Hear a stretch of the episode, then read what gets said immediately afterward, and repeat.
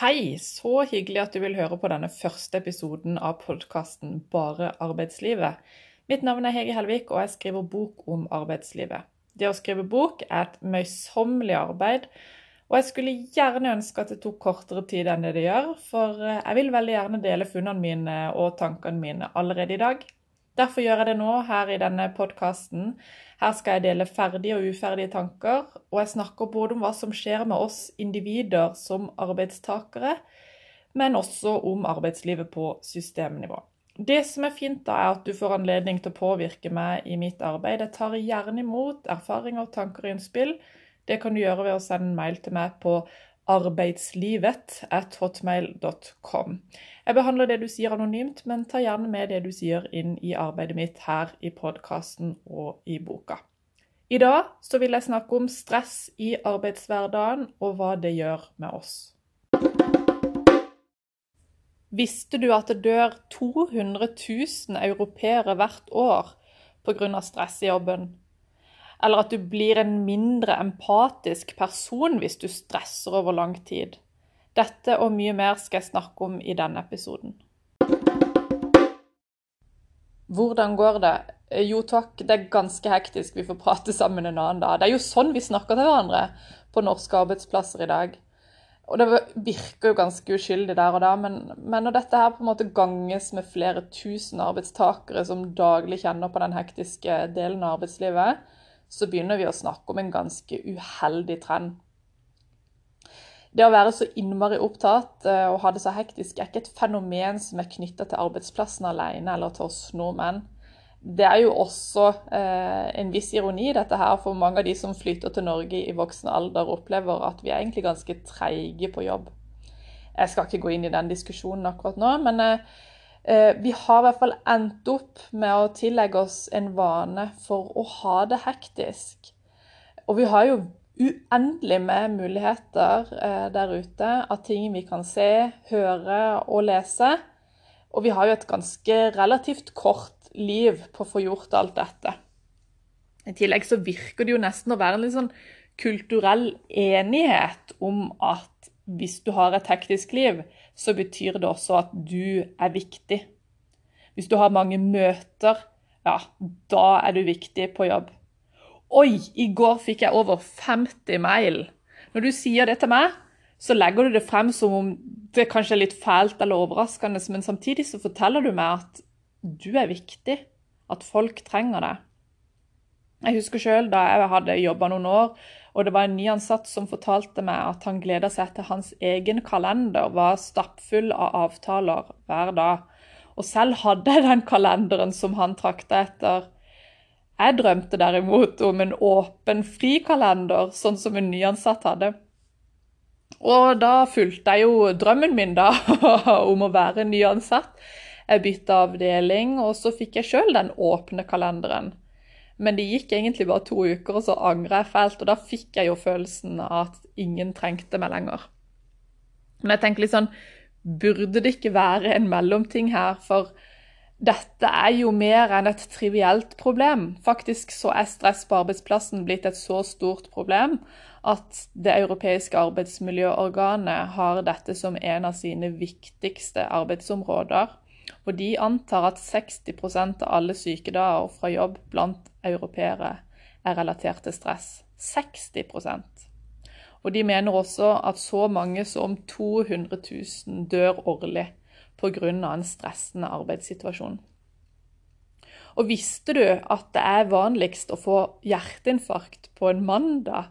Ambulanser kommer stadig og henter dresskledde menn fra tilsynelatende rolige kontorer fordi de kjenner brystsmerter og stråling i armen. Heldigvis så er en viss dose stress ganske sunt for oss.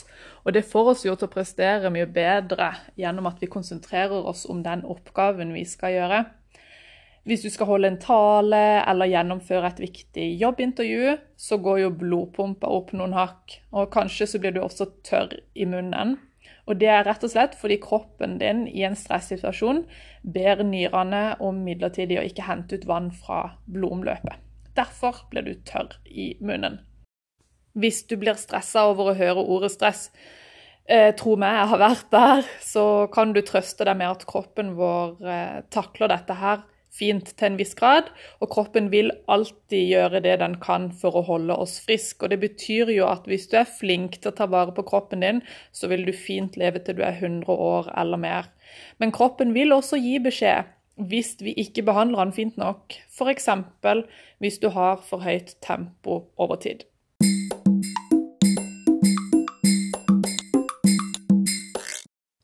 For å forstå hva som skjer med oss i dag, så hjelper det å se noen eh, tusen år tilbake i tid, når menneskene levde i naturen. Våre forfedre og formødre. De av de som rakk å komme seg unna farene og holde seg unna eh, skumle byttedyr, eh, det var de som overlevde. Det kunne være en lyd, skygge eller bevegelse, og det var nok til å sette i gang den automatiske responsen for å komme seg raskest mulig unna. Og I disse situasjonene så er hjernens amygdala en viktig støttespiller.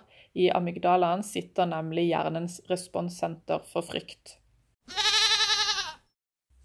Når amygdala er i aktiv modus, så settes mange av kroppens øvrige funksjoner i pause. F.eks. er ikke kroppen så veldig opptatt av å fordøye det siste måltidet. Og stressresponsen i kroppen sørger for at insulinet hindrer, hindrer seg i å lagre glukose. Og dette øker også risikoen for diabetes og fedme. Og hjertet det slår fortere, blodårene trekker seg sammen, og på sikt så øker også sjansen for hjertelidelser hvis du står i langvarig stress.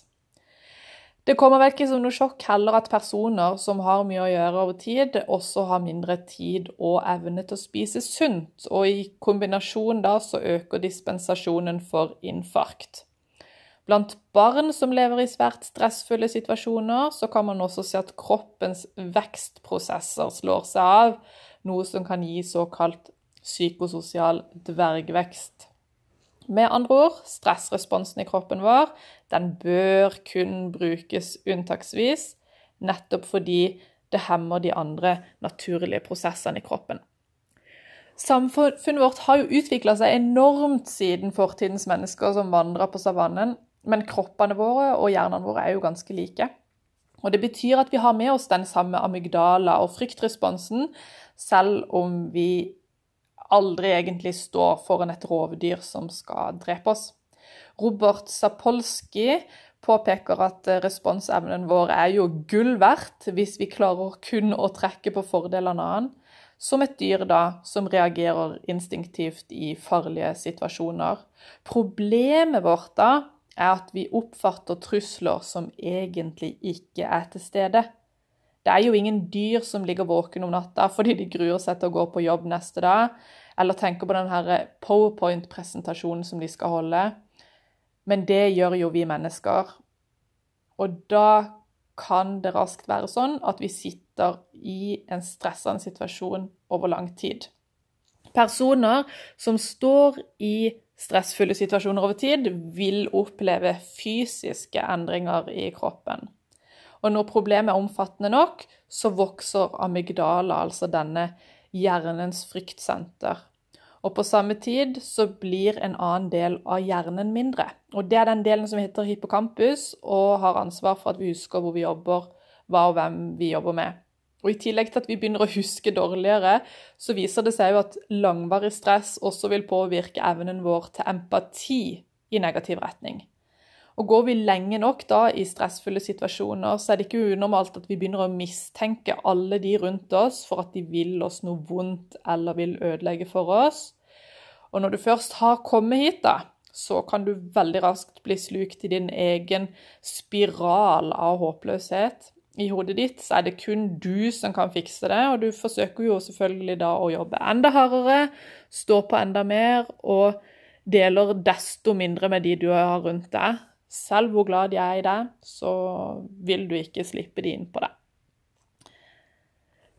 På tross av at det skjer faktiske fysiske endringer i hodene våre når vi står i stressfulle situasjoner over tid, så er det først i år at utbrentheten ble en godkjent diagnose i Norge. Før dette så måtte folk sykemeldes med depresjon eller andre litt sånn svevende begreper for å få en godkjent sykemelding. Og Derfor så er statistikken over hvor mange dette gjelder i Norge, mangelfull. Men som nevnt, det europeiske arbeidsmiljøorganet anslår altså at hele 60% av alle sykedager fra jobb i Europa er relatert til stress. Så dette er et problem som omgår oss alle. Og vi påvirker hverandre. Selv syns jeg det er helt forferdelig å høre folk taste på tastaturet.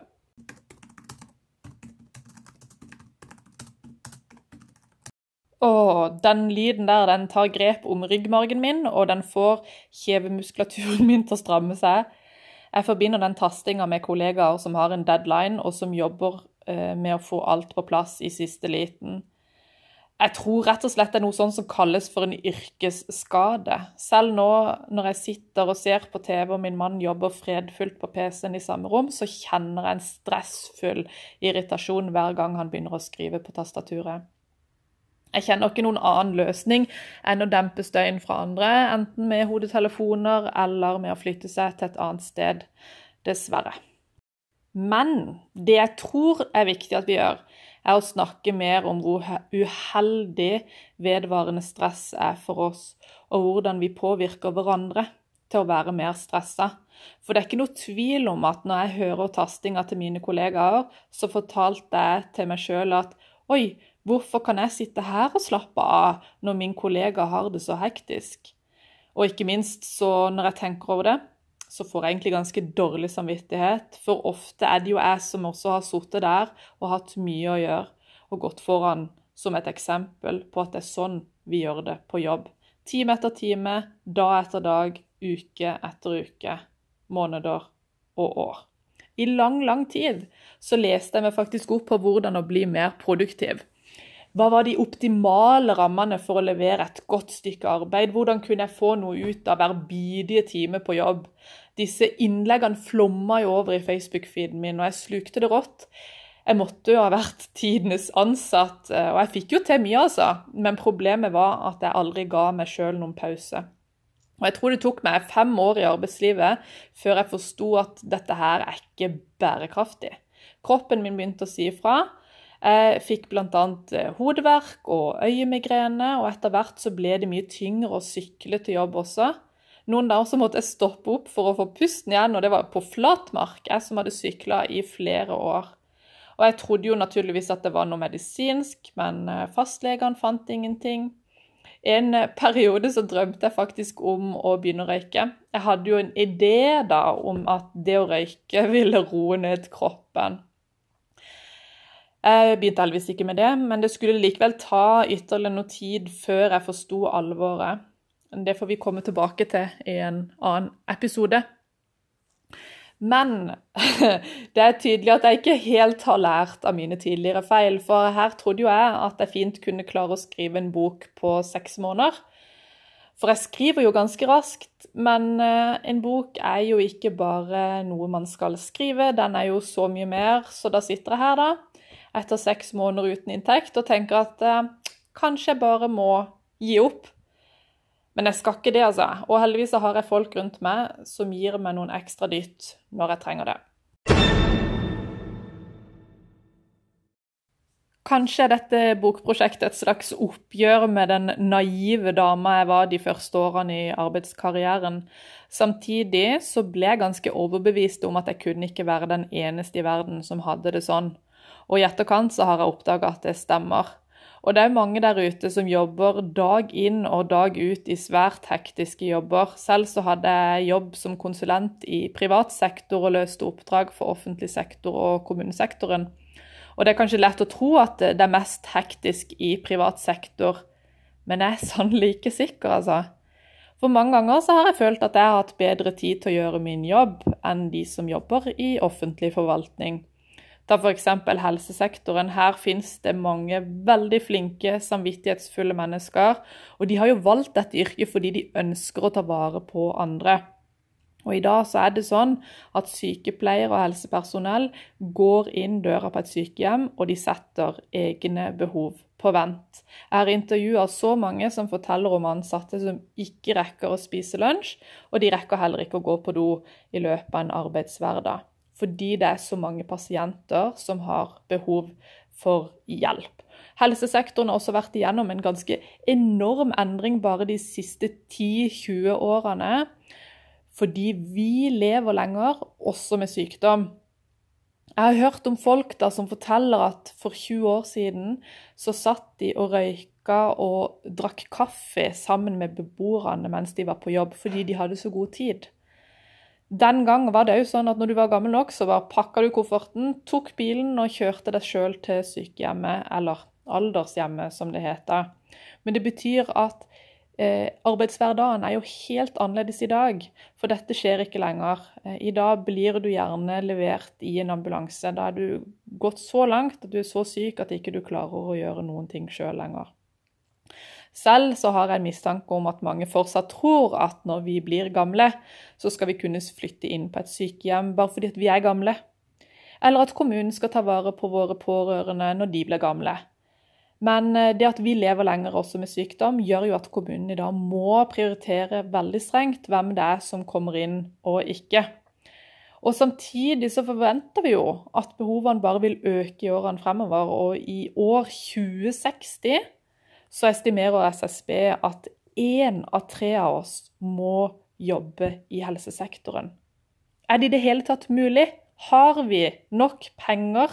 Har vi nok hender til at 30 90 av oss skal jobbe innen helse. Ok, Det er en liten digresjon i forhold til dagens tema, nemlig stress.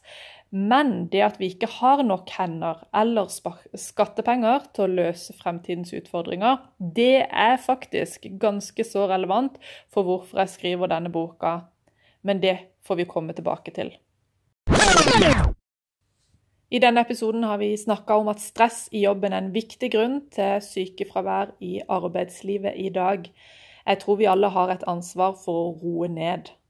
Både oss sjøl, men også bevisstgjøre de vi jobber med. Og jeg forstår at det ikke alltid er så lett. Sykepleieren f.eks., som jobber med syke mennesker, som har behov for hjelp, kan ikke med samvittigheten på rett sted sette seg ned og ta en fem minutters pause for å snakke om løst og fast, mens det ligger tre pleietrengende og drar i den røde snora samtidig. Men dette må snakkes om, og for oss som kun skal forholde oss til PC-skjermer mesteparten av dagen, ta pauser. Ikke på mobilen, ikke på nettaviser eller sosiale medier Gå det heller en liten runde, snakk med en kollega, eller bare slapp av med en kopp te. Se ut av vinduet, se på naturen. La hodet ditt få en pause, for den klarer dessverre ikke å skille mellom det du jobber med på PC-en din, eller om du taster en beskjed på mobilen. Det er samme ulla, bare to ulike sauer. Så gøy at du tok deg tida til å høre hele denne episoden. Stress er et veldig stressende tema, så neste gang så tenker jeg heller å snakke litt om blod, svette og tårer i arbeidslivet. Vi mennesker er nemlig veldig dårlige til å bedømme gode resultater. Inntil da, husk å ta deg pauser. Hver dag, på jobb. Prøv i hvert fall.